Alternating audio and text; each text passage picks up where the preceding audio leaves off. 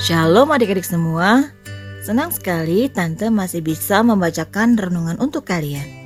Semoga adik-adik selalu sehat, selalu dalam lindungan Tuhan, dan selalu rindu mendengarkan firman Tuhan. Kiranya podcast hari ini boleh memberikan hikmat pengetahuan akan firman Tuhan. Biarlah firman Tuhan ini menjadi pelita dan terang bagi hidup adik-adik semua. Tema renungan hari ini adalah perumpamaan seorang penabur dengan bacaan Alkitab dari kitab Injil Markus pasal yang keempat ayat 1 sampai 20. Siapkan Alkitabnya, mari kita berdoa. Bapa kami yang di surga, kami mengucap syukur atas penyertaan Tuhan sepanjang hari ini. Kami boleh melalui dengan sukacita. Kami akan membaca firman Tuhan. Biarlah firman yang kami baca dapat kami mengerti seturut kehendak-Mu Kirimkan Roh Kudus untuk mengajar kami. Terima kasih Tuhan. Dalam nama Tuhan Yesus kami berdoa dan mengucap syukur. Amin. Markus 4 ayat 1 sampai 20 dengan judul perikop perumpamaan tentang seorang penabur. Pada suatu kali, Yesus mulai pula mengajar di tepi danau. Maka datanglah orang banyak yang sangat besar jumlahnya mengerumuni dia, sehingga ia naik ke sebuah perahu yang sedang berlabuh, lalu duduk di situ. Sedangkan semua orang banyak itu di darat, di tepi danau itu. Dan ia mengajarkan banyak hal dalam perumpamaan kepada mereka. Dalam ajarannya itu, ia berkata kepada mereka, "Dengarlah, adalah seorang penabur keluar untuk menabur. Pada waktu ia menabur, sebagian benih itu jatuh di pinggir jalan. Lalu datanglah burung dan memakannya sampai habis. Sebagian jatuh di tanah yang berbatu-batu yang tidak banyak tanahnya. Lalu benih itu pun segera tumbuh karena tanahnya tipis. Tetapi sesudah matahari terbit, Layulah ia dan menjadi kering karena tidak berakar. Sebagian lagi jatuh di tengah semak duri. Lalu makin besarlah semak itu dan menghimpitnya sampai mati. Sehingga ia tidak berbuah. Dan sebagian jatuh di tanah yang baik. Ia tumbuh dengan suburnya dan berbuah. Hasilnya ada yang 30 kali lipat, ada yang 60 kali lipat ada yang seratus kali lipat. Dan katanya, siapa mempunyai telinga untuk mendengar, hendaklah ia mendengar. Ketika ia sendirian, pengikut-pengikutnya dan kedua belas murid itu menanyakan dia tentang perumpamaan itu. Jawabnya, kepadamu telah diberikan rahasia kerajaan Allah, tetapi kepada orang-orang luar segala sesuatu disampaikan dalam perumpamaan, supaya Sekalipun melihat, mereka tidak menanggap. Sekalipun mendengar, mereka tidak mengerti, supaya mereka jangan berbalik dan mendapat ampun. Lalu ia berkata kepada mereka, "Tidakkah kamu mengerti perumpamaan ini? Kalau demikian, bagaimana kamu dapat memahami semua perumpamaan yang lain?" Penabur itu menaburkan firman. Orang-orang yang di pinggir jalan tempat firman itu ditabur ialah mereka yang mendengar firman. Lalu datanglah iblis dan mengambil firman yang baru ditaburkan di dalam mereka. Demikian juga yang ditaburkan di tanah yang berbatu-batu. Ialah orang-orang yang mendengar firman itu dan segera menerimanya dengan gembira. Tetapi mereka tidak berakar dan tahan sebentar saja. Apabila kemudian datang penindasan atau penganiayaan, karena firman itu, mereka segera murtad. Dan yang lain ialah yang ditaburkan di tengah semak duri. Itulah yang mendengar firman itu. Lalu kekhawatiran dunia ini dan tipu daya, kekayaan dan keinginan-keinginan akan hal yang lain masuklah menghimpit firman itu sehingga tidak berbuah. Dan akhirnya yang ditaburkan di tanah yang baik ialah orang yang mendengar dan menyambut firman itu lalu berbuah.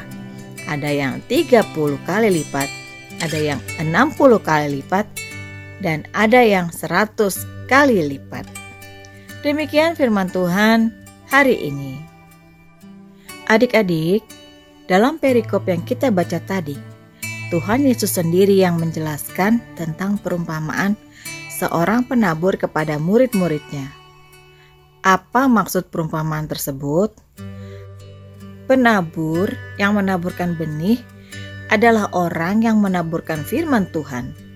Benih yang jatuh ke tanah adalah firman tentang kerajaan surga yang masuk ke hati manusia.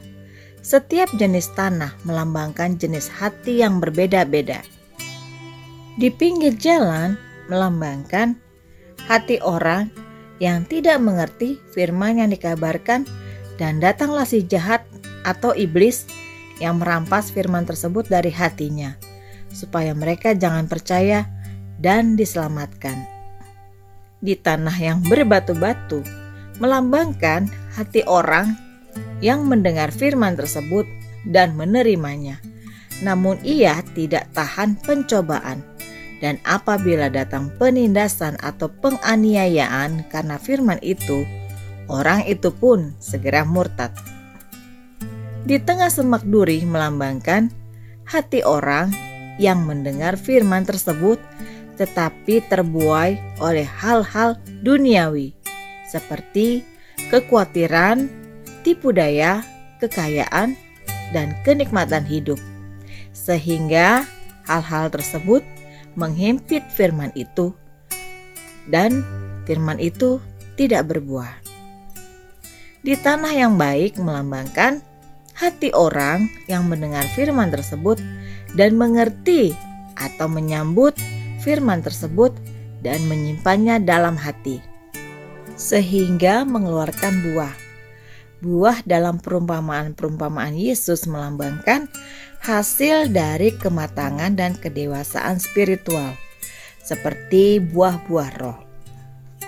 Adik-adik, melalui perumpamaan seorang penabur, yang disampaikan Tuhan Yesus, Tuhan Yesus ingin mengajarkan bahwa kondisi hati manusia tidaklah sama saat menerima firman Tuhan.